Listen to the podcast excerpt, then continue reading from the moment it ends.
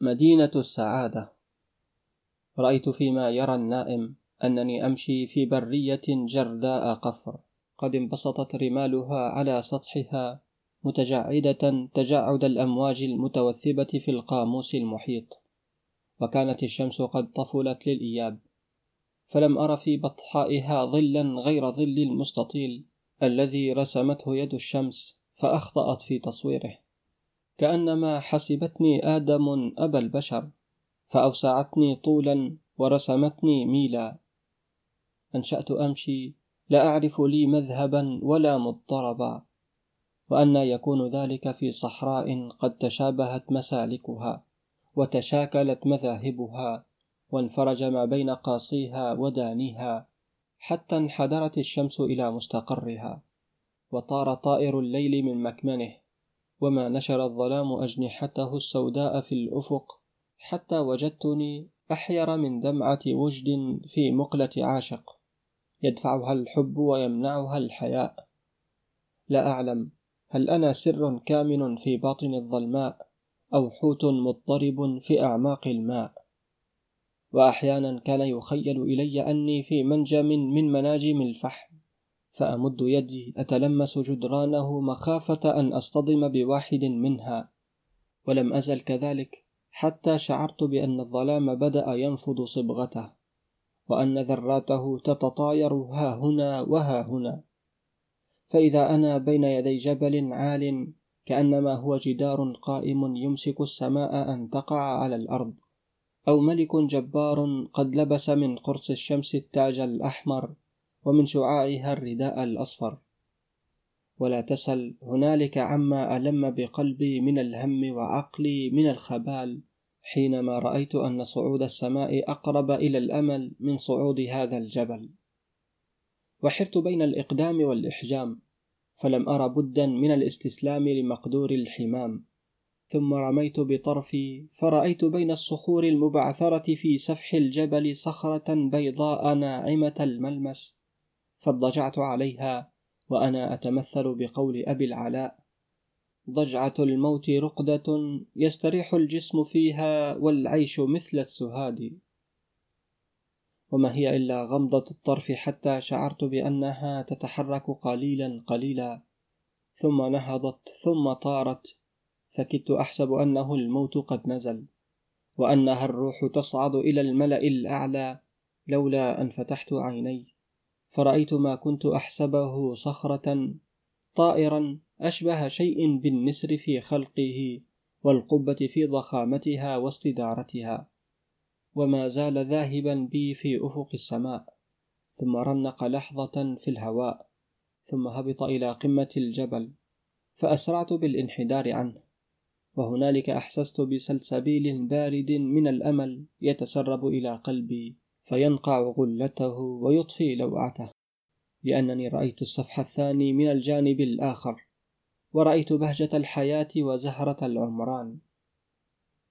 رأيت على البعد خطوط الخضرة حول سطور الماء ورأيت المنازل والقصور كأنها العصافير السوداء أو الحمائم البيضاء وكأنما ألم بنفسي من السرور أنساني ما ألم بجسمي من النصب فانحدرت إليها.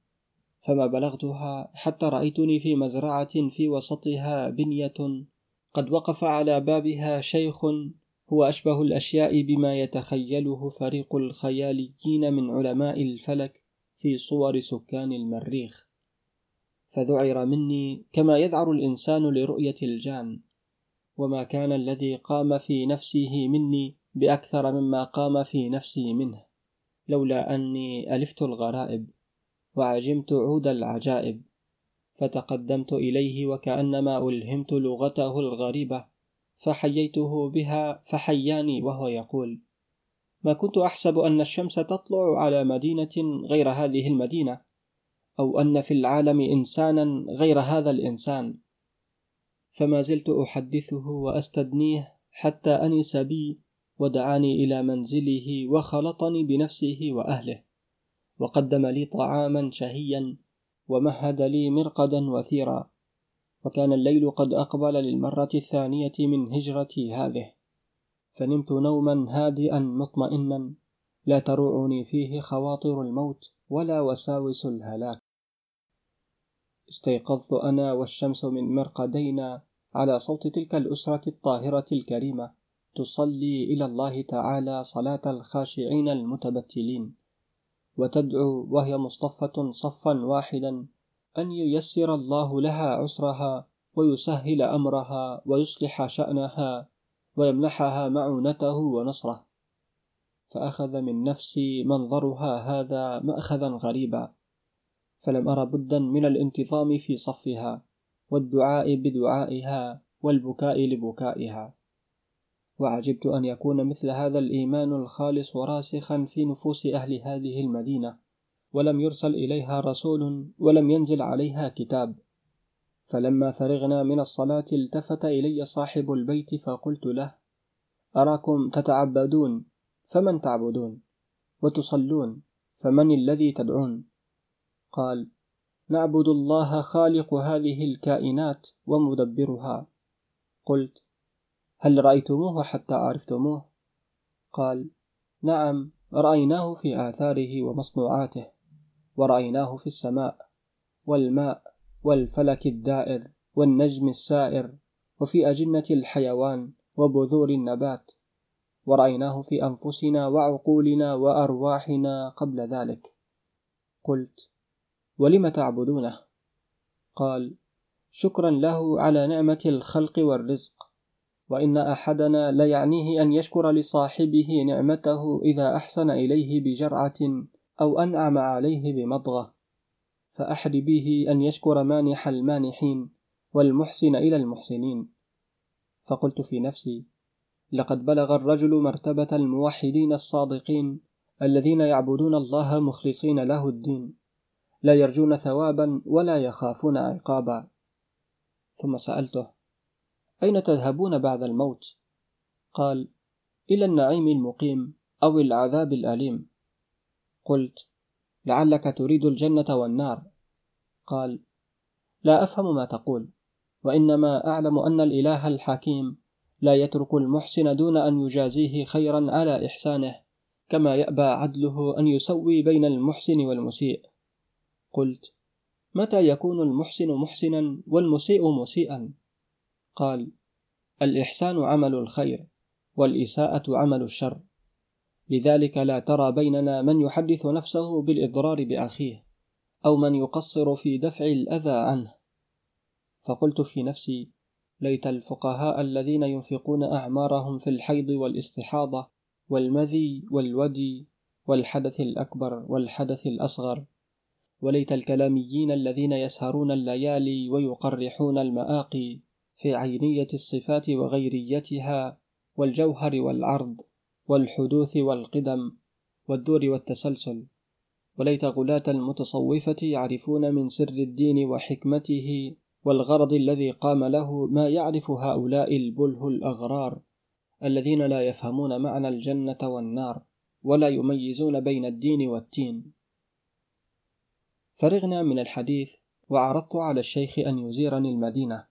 فانحدر بي إليها فرأيت شوارعها فسيحة منتظمة ومنازلها متفرقة غير متلاصقة وقد أحاط بكل منزل منها حديقة زاهرة ورأيت سكانها مكبين على أعمالهم مجدين في شؤونهم صغارا وكبارا رجالا ونساء.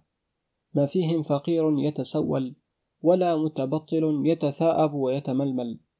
وأغرب ما استهوى نظري أني لم أر في تلك المدينة ذلك التفاوت الذي أعرفه في مدائننا بين الناس في منازلهم ومراكبهم ومطاعمهم ومشاربهم وأزيائهم كأن جميع سكانها سواء في حالة المعيشة ودرجة الثروة فسألت الشيخ ألا يوجد فيكم غني وفقير وسيد ومسود؟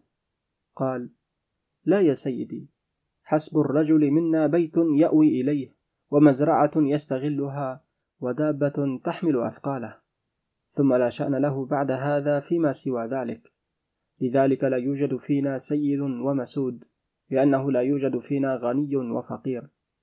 قلت لابد أن يوجد بينكم العاجز عن العمل والكسول المتبطل.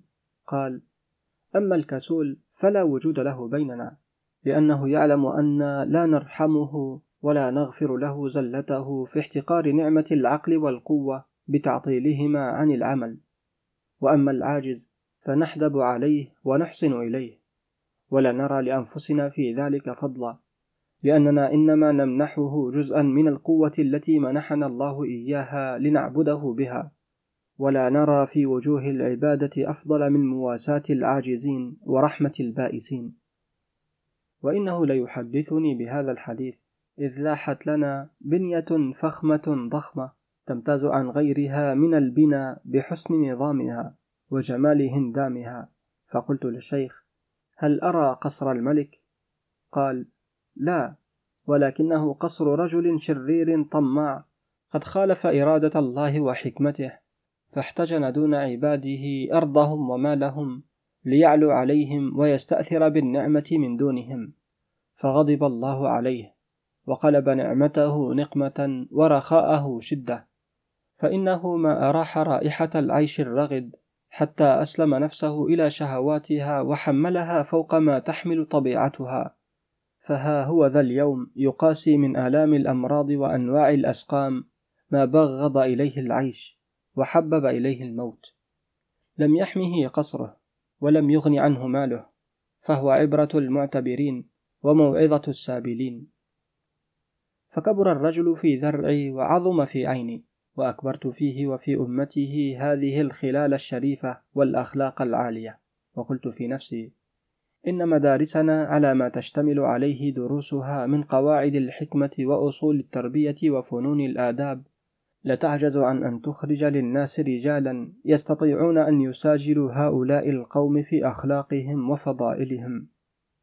وأردت على ذكر المدارس أن أعرف مناهج التعليم عندهم فقلت للشيخ هل لك أن تزيرني مدرسة من مدارسكم؟ فعجب لسؤالي وقال ما المدرسة؟ فكان عجبي لجوابه أكثر من عجبه لسؤالي وقلت المدرسة مكان محدود يجتمع فيه صغار يتعلمون وكبار يعلمون قال ما الذي يتعلمه الصغار من الكبار قلت ما يصلح شأنهم وينفعهم في معاشهم ومعادهم. قال وأي حاجة بنا إلى مثل هذا المجتمع الحاشد في مثل هذا المكان المحدود. إننا يا سيدي أرحم بأبنائنا من أن نكل أمرهم إلى غيرنا.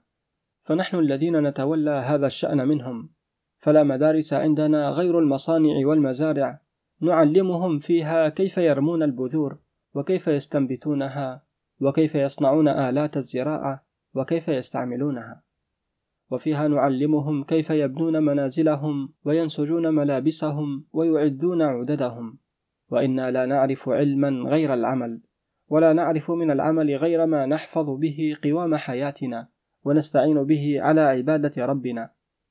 قلت ألكم حاكم يتولى أموركم؟ قال لنا حكم لا حاكم. وهو رجل قد وثقنا به وبفهمه واستقامة شأنه. فاخترناه لفصل الخصومات إن عرض من ذلك عارض.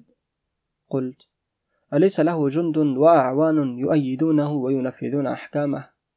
قال نعم كلنا جنده وكلنا أعوانه على كل من يختلف عليه أو يتمرد على حكمه. فقد وثقنا به وبعدله وكفى. وقلت أليس له سجن يحبس فيه المجرمين؟ قال لا حسب المجرم عندنا عقوبة أن يتفق أهل المدينة على احتقاره والزراية به وإن أحدنا ليؤثر أن يتخطفه الطير أو يسقط عليه كسف من السماء قبل أن يرى نفسه بغيضا إلى قومه صغيرا في نفوسهم ذليلا في أعينهم لا يرفعون إليه طرفا ولا يقيمون له وزنا وما وصلنا من حديثنا إلى هذا الحد حتى كنا قد فرغنا من الطواف بالمدينة ووصلنا إلى المنزل الذي خرجنا منه. فاستقبلنا أهله بالبشر والترحاب واستقبلوا شيخهم بالتقبيل والعناق. فلم أر فيما رأيت من البيوت في مدن العالم وقراه بيتا أسعد حظا ولا أنعم عيشا ولا أروح بالا من هذا البيت. تلك مدينة السعادة التي يعيش أهلها سعداء. لا يشكون هما لأنهم قانعون ولا يمسكون في أنفسهم حقدا لأنهم متساوون ولا يستشعرون خوفا لأنهم آمنون. تلك مدينة السعادة التي رأيتها فأحببتها وأحببت العيش فيها لولا أن لله في خلقه سنة لا تتبدل وشأنا لا يتحول. فقد جاء الليل وأخذت مكاني من مرقدي في منزل الشيخ فلم أستيقظ حتى رأيتني في فراشي وفي منزلي. فلا السهل ولا الجبل ولا الشيخ ولا المزرعة ولا المدينة ولا السعادة. ولما نزلنا منزلا طله الندى أنيقا وبستانا من النور حاليا. أجد لنا طيب المكان وحسنه منى فتمنينا فكنت الأمانيا. من كتاب النظرات لمصطفى لطفي المنفلوطي. عزيزي متابع قناة كتب وروايات عبد الباري الطشاني. الآن يمكنك دعمنا للاستمرار في تقديم المزيد ولتحسين جودة المحتوى سواء على بيبال أو يمكنك الاشتراك معنا على منصة باتريون التي نشارك فيها معك محتوى حصريا. كما لا تنسى متابعتنا على منصات التواصل الاجتماعي. وللاستماع للكتب مباشرة تابع البودكاست الخاص بنا. ستجد كل الروابط بالوصف بالأسفل.